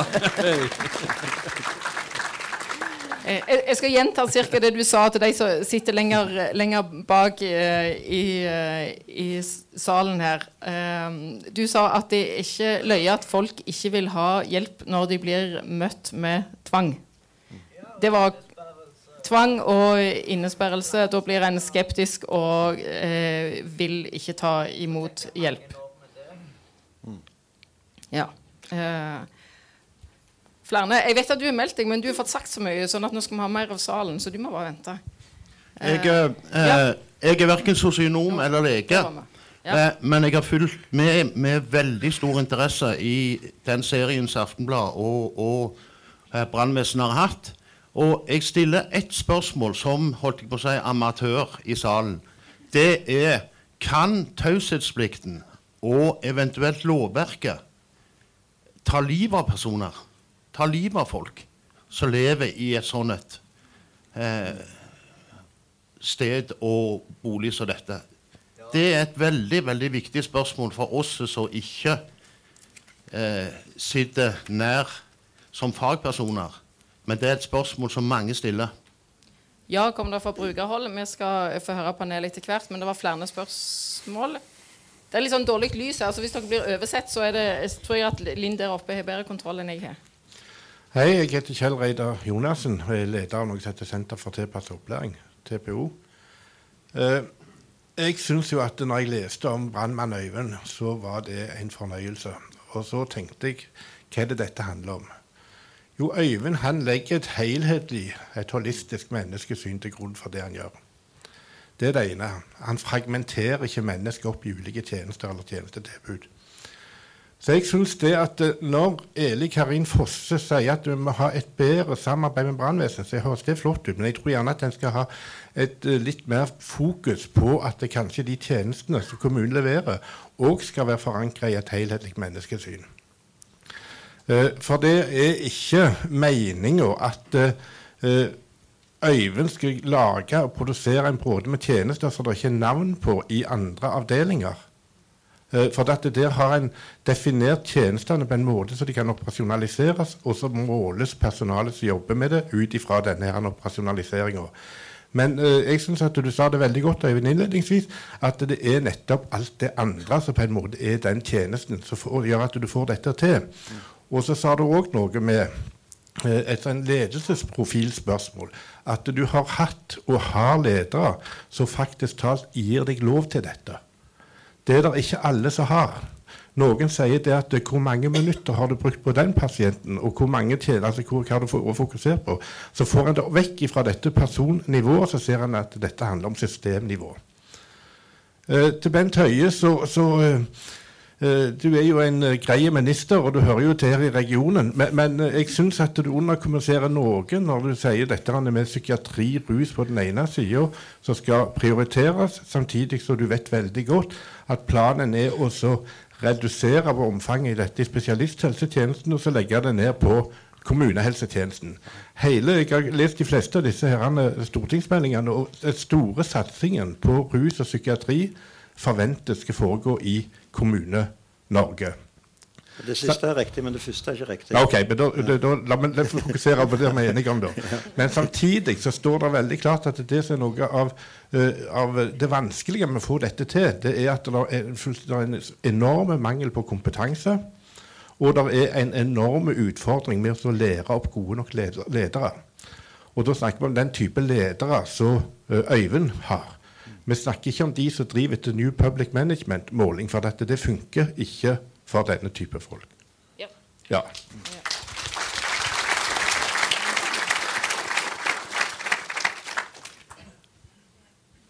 skulle tilbake til deg, ikke sant? Linn har et sånn logistikkprosjekt. Hvor mange har du på talelista di, Linn? I alle, fall, I alle fall tre. Kan dere prøve å fatte dere litt i korthet nå, så klarer vi ikke å få det fart? Jeg er jo ikke like avansert som han, men dette er jo litt mot etter pårørende. da, For når jeg leste dette her, så tenker jeg jo det ligger noen pårørende bak på disse skjebnene her. Og de må jo på et eller annet tidspunkt ha enten varsla, ytra bekymring i en eller annen form. Og hva gjør Stavanger kommune når pårørende i sånne saker ytrer bekymring? Og hvor du sier dere ønsker at dere skal lytte til foreldre, pårørende, uansett hvem det er. Eh, hva gjør dere aktivt for å lytte til foreldrene hvis det ender opp med at mange foreldre må sitte og sende på klager på klager på klager på vegne av de som ikke klarer å klage sjøl. Det er mitt spørsmål til Ellen Grenfoss. Det er notert. Uh, vi tar med oss ett til. Øyvind syns det er veldig vanskelig å vente så lenge vi får snakke. ja, ja. Må øve. Tålmodighet. Jeg ser ikke jeg sitter sånn. Ja. Uh, jeg kan si jeg er enig med de siste talerne. Eh, til den påstanden om at eh, det er så mange flinke folk i Stavanger kommune, så er jeg ikke helt sikker på om jeg er enig. Det fins noen eh, hederlige unntak, men det fins mange råtne egg også. Eh, så kan folk bli så fornærmet som de vil, men det er min ærlige mening. Det florerer av hersketeknikker og maktmisbruk blant folk. Det er et ledelsesproblem. Eh, der der en blir trykt ned. Eh, det er veldig lett å skylde på eh, disse brukerne og si at ja, det er så vanskelig å hjelpe, og vi gjør så godt vi kan. Noen ganger har jeg inntrykk av at det er hjelperne som har det største problemet. Um, kunnskapen om skjulte handikap er ganske dårlig. Hvis du ser på Jeg har lest at én eller to av tre som sitter i fengsel, har ADHD.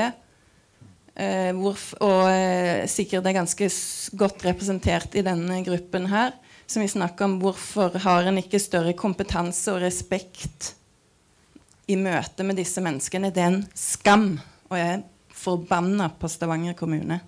Varsling blir ikke fulgt opp, og en blir ikke behandla med respekt. Det blir ikke tatt på alvor. Så dere må bare skjerpe dere.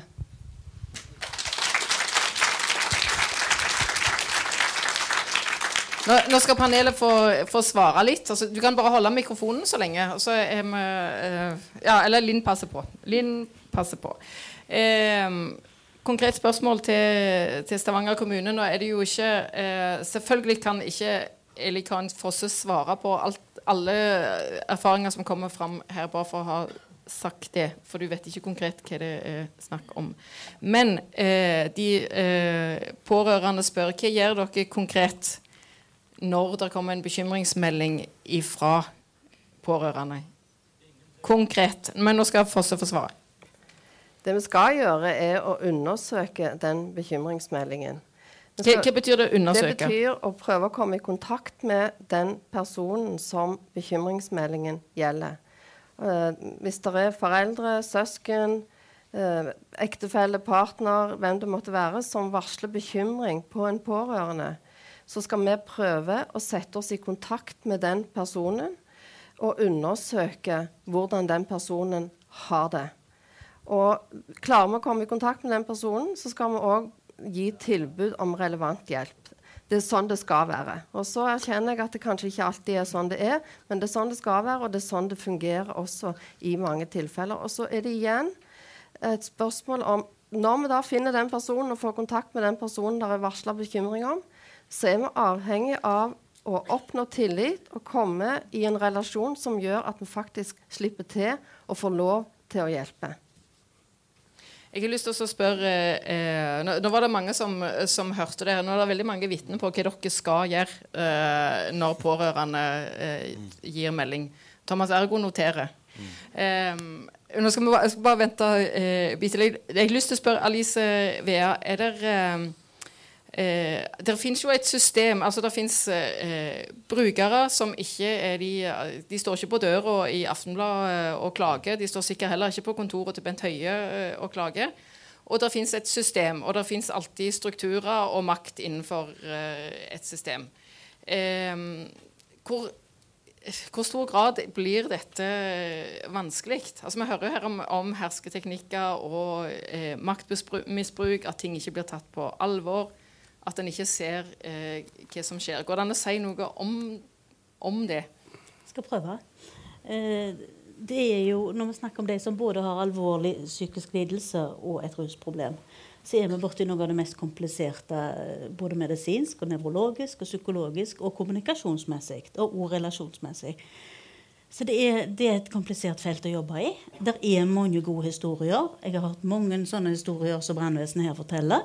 Eh, ikke nødvendigvis fra, fra brannvesenet bare, men de kommer òg fra helsevesenet, fra sosialvesenet, fra pårørendeorganisasjoner. Det er mange som får det til. Så har vi prøvd å sitte på hva er det de gjør, da, de som får det til. Og prøvd å sammenfatte det litt. Hva det er de gjør.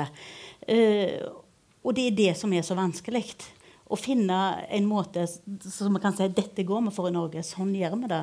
For vi er på et eller annet tidspunkt nødt for å organisere det på et vis. Vi kan ikke bare slippe alle ut på fritt og si at nå gjør du det du syns skal til når du kommer ut der. Eh, det vil fungere i enkelttilfeller, og det må fungere i enkelttilfeller, og det blir gjort. Eh, nå er det en brannmann som forteller om det. Jeg har jobba i dette feltet sjøl, sett masse sånne leiligheter, hatt masse kollegaer som jobber i det feltet og komme til mål på samme måten som Øyvind har gjort. Men vi har ikke nødvendigvis tatt bilder av det og fortalt det på den måten. Men, men, men dere blir veldig generelle her. Altså det, når en har et system der noen skal hjelpe, og noen nesten ikke er i stand til å spørre uh, om hjelp, det, da ligger det et eh, grunnlag for at det er enormt stor skjevhet i makt uh, og kontroll. Ja. Og er det, det et problem? Ja, og for det blir veldig individuelt. Ja. Det er et problem. For det at når vi prøver å generalisere det og finne metodikk som vi kan bruke på flere enn én, så virker det gjerne på én, og så er det to som kommer med i dragsuget som ikke syns dette var særlig bra. Så det blir voldsomt individuelle løsninger uh, for hver og en. Og det som gjør det enda litt mer komplisert, er at dette varierer jo både med symptombelastning innen psykiatrien og med rusbelastningen. Og det kan variere i, i løpet av livet. Sånn at det blir voldsomt individuelle løsninger som må til.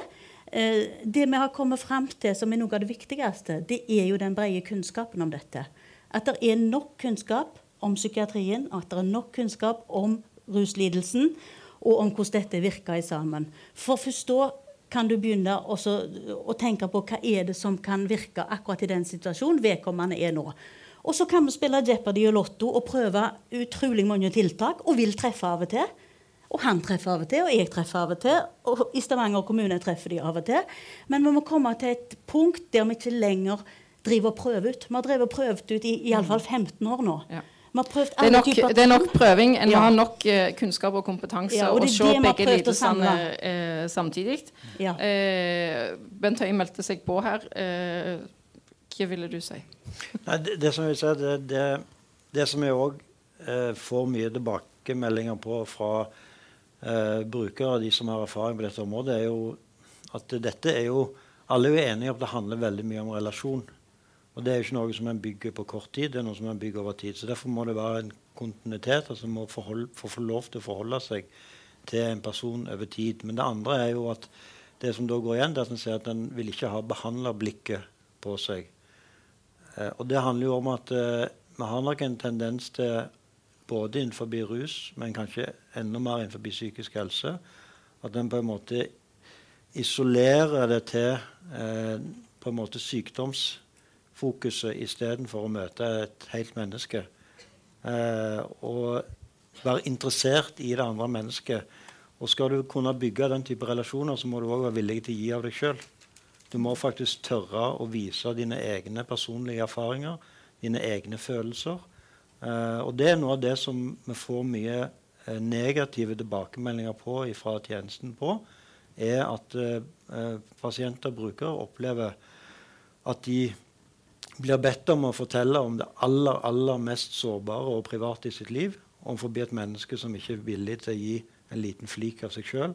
Og da får de, ikke, får de ikke tillit. Og Det er en stor kulturendring som vi er nødt til å, å jobbe med skal vi lykkes med dette. Og Der er jo du er et veldig levende eksempel på en Mm. person som gir av seg sjøl, og, og speiler det andre mennesket som en, som en, som en møter. Men eh, vi kan ikke klone deg, så det, og vi kan ikke klone de enkeltpersonene som lykkes med dette. Så vi er nødt til å jobbe med det på en systematisk måte. og da eh, er vi tilbake til det som er litt eh, kjernen av det som vi sier, at vi er nødt til å få inn folk med erfaring for å få denne kunnskapen inn i tjenesten, skal vi lykkes med disse endringene. Og det har du tenkt å få til? Ja. Ja. Eh, Linn Linn har fem til, og du har kontroll på dem? Ja. Ja. Dere må fremdeles være korte, er jeg redd for. Ja.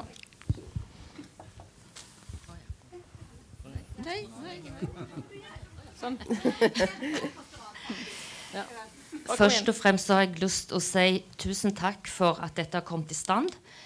Eh, som mor, pårørende, har jeg endelig følt at det blir satt fokus på noe av eh, den ikke hva skal man si, polerte siden i vårt samfunn. Eh, jeg har spurt min sønn, som sitter ved siden av meg, om det er ålreit at jeg sier noe. Eh, I forhold til dette med rus og psykiatri så har jeg som mor, og vi, sønn og mor, blitt møtt med i mange mange år at det er så vanskelig med et botilbud for kombinasjon rus og psykiatri. Det er enten-eller. Det har vært med på å bidra til at det er lukka at vi ikke ender sånn. Men det å måtte bo på hospits og være en kasteball, det har vært påkjenninger, og jeg merker hvordan jeg skjelver av flere grunner. Eh, jeg har veldig store forventninger til både kommune og på nasjonalt nivå. Disse grensene må brytes ned. Og det du òg sier, uh, Alice fra Haugesund, at det er vanskelig å finne et botilbud som passer. Men hør på oss pårørende. Og for å bli litt ilter på godt stavangersk å ringe kommunen, saksbehandlere som du fasike med ikke får fatt i, og ringe opp igjen og opp igjen, det er frustrerende. Det er kun kjærligheten til mitt barn som har gjort at jeg ennå er der jeg er. Masse motivasjon. Og nå tillater jeg meg å gi mikrofon til min sønn. Ja, og da eh, kan jeg som sønn av min mor si det at jeg har hatt uh, tøffe tider i mitt liv som rus- og psykiatripasient. Uh, men òg at uh, lysglimter, og det er de jeg vil fokusere på nå. For det der finnes et tilbud. Der er hjelp å få. Det har vært det òg. Og den fokusen som ligger på den enkeltes måte å motivere den det gjelder, til at det, det er din vilje først og fremst avgjør om du vil være i det systemet nå videre. Og det fins muligheter ut, men da må du reise deg opp og ta et skritt framover én etter én. Og så kan livet ditt begynne å bygge seg opp igjen. Så det appellerer til den sunne fornuften i brukeren, eller den det gjelder, sin uh, uh, rett og slett motivasjon til å gjøre noe med livet sitt og endre seg. Og ta til seg at greit, da skal jeg ikke drikke øl på tirsdagen onsdagen og torsdagen i fall denne uka her. Så skal jeg ta meg en øl på fredagen og prøve å moderere det problemet mitt som jeg har. For det koker ned til narkotika og alkohol. That's it. Et menneske som klarer seg uten de tingene som har kommet på skeiva, vil få friskne seg til og vil fort finne motivasjon til å våkne opp en morgendag og se sola lyse inn vinduet og alt det der. Og ta tak på dagen og gå ut og gjøre et stykke arbeid og bidra i samfunnet som, som normale samfunnsborger. Så jeg vil si kjør videre på det dere snakker om nå, med å engasjere de som jobber med disse tingene og få i gang apparatet, så får vi dratt opp de grøvste som vi ser bilder av her nå. For dette er ikke et knippe. Det er ikke majoriteten dette gjelder av rusmisbrukere. For det er mange som ruser seg i samfunnet. Veldig mange. Mye større enn de tallene som vi ser her nå. Det er et faktum. Så vi må se litt mer helhetlig på bildet og tenke tollvesen, politi, brannvesen, bekjempe narkotika og rusproblemer. Kildevangen senter skal ikke jeg gjøre reklame for, men de går på radioen og uh, tjener penger på private tjenester innenfor rusomsorgen. sant? Så er på alkoholavvenning og alt dette her. Så narkotika og rus det er et stort problem, ja, men det kan gjøres noe med. Takk for meg.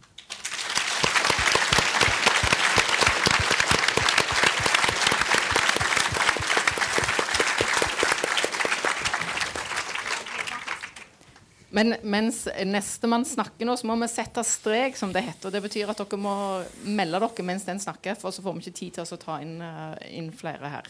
Og så må vi vente litt på Linn, så jeg er ikke sikker på at jeg klarer å ha oversikten. Hvis dere allerede har fått sagt noe, så tar vi inn de nye heller. Ja, eh, hei. eh, jeg jobber faktisk som eh, spesialhelsefagarbeider i hjemmesykepleien. Eh, og jeg syns vi har gjort en veldig god jobb spesielt de siste tre åra, så har vi kommet i gang med Demensarbeidslaget, som òg består av folk som ikke vil ha hjelp. Som da har blitt til at da har vi gått inn samme personale på en fem-seks stykk. Hvor de til slutt har tatt imot hjelp. Og vi ser jo at eh, mange av disse menneskene har blomstra. Og jeg tenker gjerne det ikke hadde vært så dumt å lage et eget arbeidslag for ruspsykiatri, for det er det faktisk ikke. Men det som har vært problemet i det siste, er at vi har for mange pasienter og for lite folk på jobb. Og så skal en spare penger, og så leier de heller i stedet inn eh, ansatte som ikke er fagutdanna. Og de gjør en kjempegod jobb, de òg, for alt i verden. Men det blir jo 15 forskjellige mann da, på tre dager. Og jeg forstår godt at tilliten blir brutt, og at det kan være litt ekkelt. altså jeg hilser på dem liksom, 'Hei, jeg heter Maren.' Og så Nei, nå skal jeg dusje deg naken, på en måte. Så jeg ser jo at det er et problem. Så jeg syns at en bør sette inn mer faste ansatte, da. At det ikke er så veldig mange vakante vakter og masse ukjente folk og ja, litt sånne ting. Og at det blir mer rutiner på det, da, på en måte. Flere faste folk, så det ikke kommer så mye ukjente. Dette er det nok noen som har gjort før. Og et arbeidslag for rus og psykiatri. Det var et konkret forslag. Hvordan går det med deg, Linn? Jeg er litt sliten akkurat nå. ja. hmm. eh, det var en ung mann her. Det var du, ja? Kjempeung. Kjempeung. Ja. Takk for det. eh, jeg vil gå tilbake Jeg heter Knut Jarle. Jeg er rusavhengig. Eh, jeg vil gå tilbake litt på spørsmålet der hvor at dere møter de brukerne som setter opp hendene og sier de vil ikke ha hjelp. Jeg, jeg liker, det er et ordtak. Vi har en eh, pinn i Veiviserprosjektet. Sånn, eh, der står det på Hva er viktig for deg? Eh, hva om eh, dem som strekker hånda ut og sier nei, jeg vil ikke ha hjelp, Men hvis de får den hjelpa de vil ha? Ikke den hjelpa de får trødd nedover hodet. Kanskje det kan hjelpe. Er,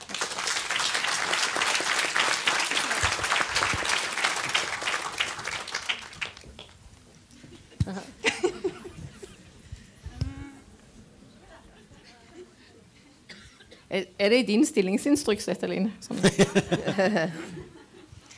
Ja, eh, jeg jobber i dag med demens, men har tidligere jobbet med rus og psykiatri og egentlig alt på Nav.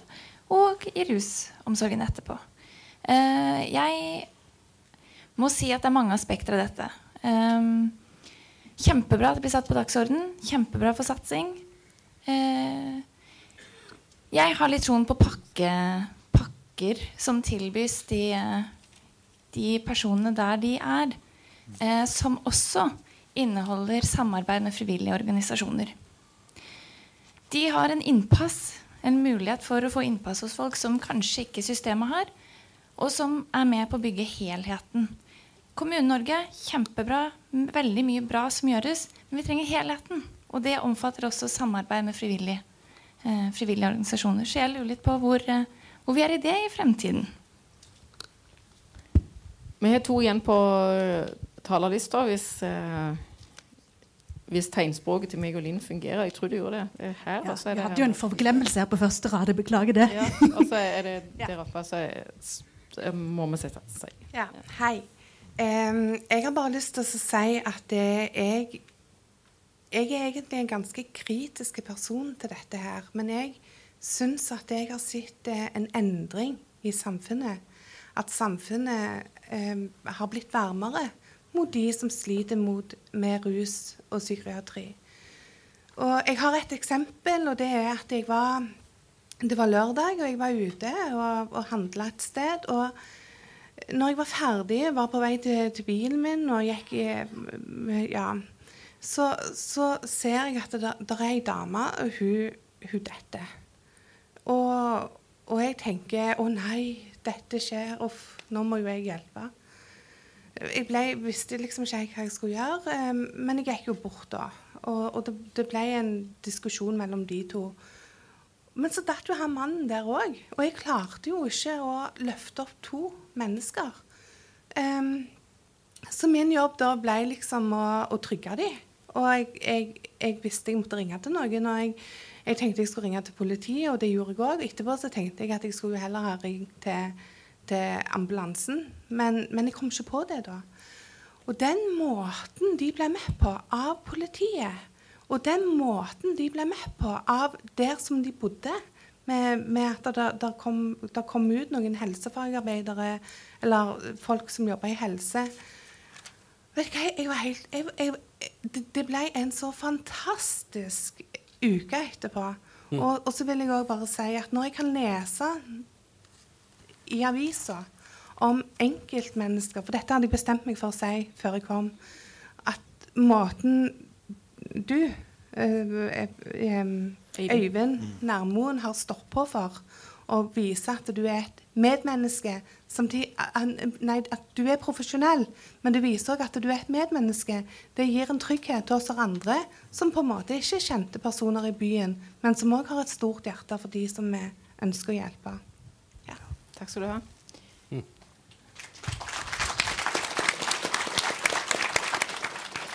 Gjentar meg sjøl nå, men nå må dere være veldig korte, eller så begynner flyene å gå fra folk her.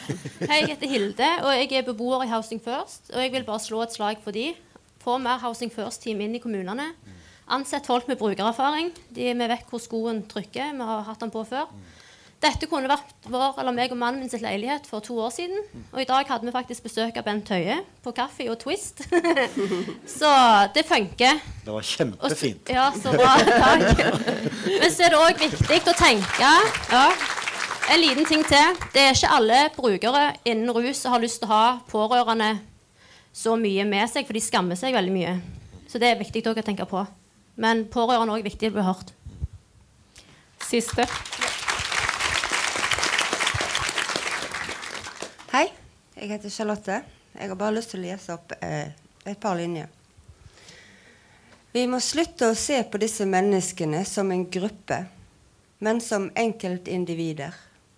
Alle har individuelle behov og trenger å bli sett og hørt for den de er, vi må begynne å stille spørsmål som Hva er viktig for deg? Takk. Ja. Nå Øyvind Ermoen, skal vi snart få runde av her. Eh, hvis vi nå oppsummerer, så hører dere i, eh, i, fra salen og også fra panelet her at det er relasjoner. Det er å prøve å skape litt likeverdige forhold. Eh, det er kunnskap om eh, sykdom, eh, om flere sykdommer eh, samtidig eh, som skal til. Og det er fleksibilitet i alle ledd. Det som vi ikke får tid til å gå inn på, så du, du må komme tilbake igjen antagelig, det er å diskutere tvang og tvangshjemler. Det tenker jeg at uh, vi klarer ikke ta på et halvt, et halvt minutt her. og så hører dere at det er mange i salen som er skeptiske til om dere faktisk klarer å gjøre noe. Selv om dere kommer med solskinnshistorien òg, så tror jeg det er verdt å ta med i en oppsummering. Øyvind Nermoen, du skal få en setning til slutt. Glem det. Jeg har ganske mye på hjertet, så vi kan ikke sette av ta noen timer her. Det hadde vært kjekt, for det var masse engasjement. Jeg vil bare si det var kanonkjekt å høre det du sa. Eh, masse gode innspill, og det er kjekt. Jeg takker for alle som har sitt brannvesenet og det vi gjør. Eh, Eli Karin Fosse avbrøt ferien i fjor. Jeg sendte en bekymringsmelding. 17 mann satt vi samla rundt et bord for å snakke og prøve å løse og hjelpe en person. Eli Karin Fossjø blir ofte trukket fram eh, i sånne debatter og sammenhenger, for hun representerer den største kommunen. Mm. Men jeg lover dere, folkens Du kan reise til Klepp, du kan reise til Rennesøy, du kan reise til Sola, du kan reise hvor du vil. Du finner akkurat det samme. Eneste forskjellen er at hun representerer en by med 220-30 eh, rehabboliger. Derfor blir det mer bråk eh, i Stavanger enn det blir på Rennesøy. Sånn at eh, Vi må ikke rette baker for smed heller, egentlig, for dette er litt overordna og ikke på egentlig personnivå. Det er derfor Bente kom. Derfor prøver vi å gjøre noe med det. Eh, det du snakket om varmere samfunn Jeg leste i VG for to Dette hører jeg blir veldig kort. Nei, skal bli kort, jeg lover deg. Ja, denne skal. Hvis ikke så uh, snakker jeg uten mikrofon. Ja. uh, ja, det, det, er jo sånn vi klarer å komme inn til folk. sant? Vi gjør det ikke. Det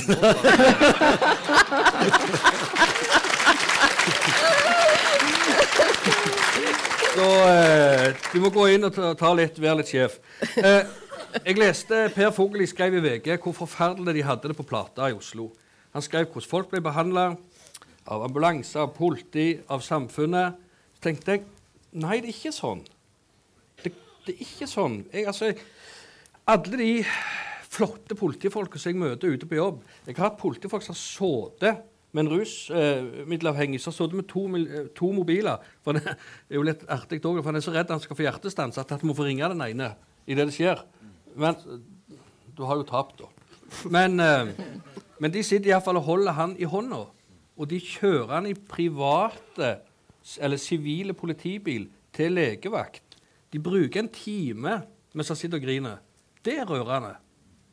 Så det er, så, og det er en endring. Jeg er helt enig. Så det jeg skrev til Per Jeg måtte jo tale med brannsjef, så jeg, har, jeg, må skrive noe til Per og fortelle litt hvordan det kan være. Ja, kjør på. Sant? Det er jo det vi alltid hører. Vi hører folk. kjør på. Det er bra initiativ. Så jeg skrev til Per og ga en del eksempler, bl.a. fra hun dama som dere så med det der skitne der vi gikk inne, hun på 90 år. sant? Hvordan hun fikk hjelp, hvordan vi fikk videreformidla. Hvordan vi faktisk avdekka at i det hjemmet deres var det noen eh, mennesker som hadde gått inn og sua kontoen hennes. Altså, Da snakker du om eh, de merka det var transaksjoner til utlandet. Eh, pårørende. Det var fly til Øst-Europa, det var hotell i Øst-Europa. Eh, det var et år for bruk savna sidestykke. Det var 50 000 her, 60 000 der. Vet du hva jeg gjør da? Ringer min gode venn Fred Skjærling i arbeidsmarkedet i A-krim. Så sier jeg hei, Fred, jeg tror vi har, tror vi har noe her. Tar du og kikker på dette? 15 minutter etterpå så ringer han. Ganske riktig. Her var det uh, ureint mel i posen. Det å ha den dialogen, det å ha ja-folk, som vi kaller det. Vi har ei ja-liste i brannvesenet. Det er ei liste over mennesker som vet hvorfor de er på jobb. Og på den lista begynner å bli ganske fodelig etter hvert. Uh, vi har ei nei-liste, men der står det ikke noen navn. og så vet dere hva Per svarte når jeg hadde skrevet til han? Da skriver han sånn. To år siden jeg fikk det. Eh, takk for inspirasjon og lærdom, skrev han. Vi er jo misjonærer på samme mark. Alt vel, Per.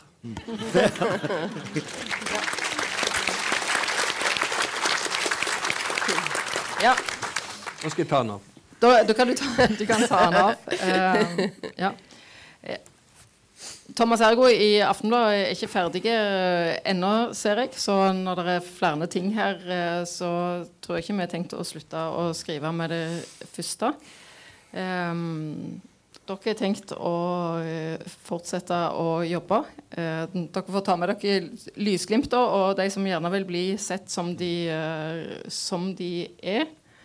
Og dere er jo nødt til å ta med dere veldig mye skepsis og skuffelse fra de som har sittet oppi dette lenge.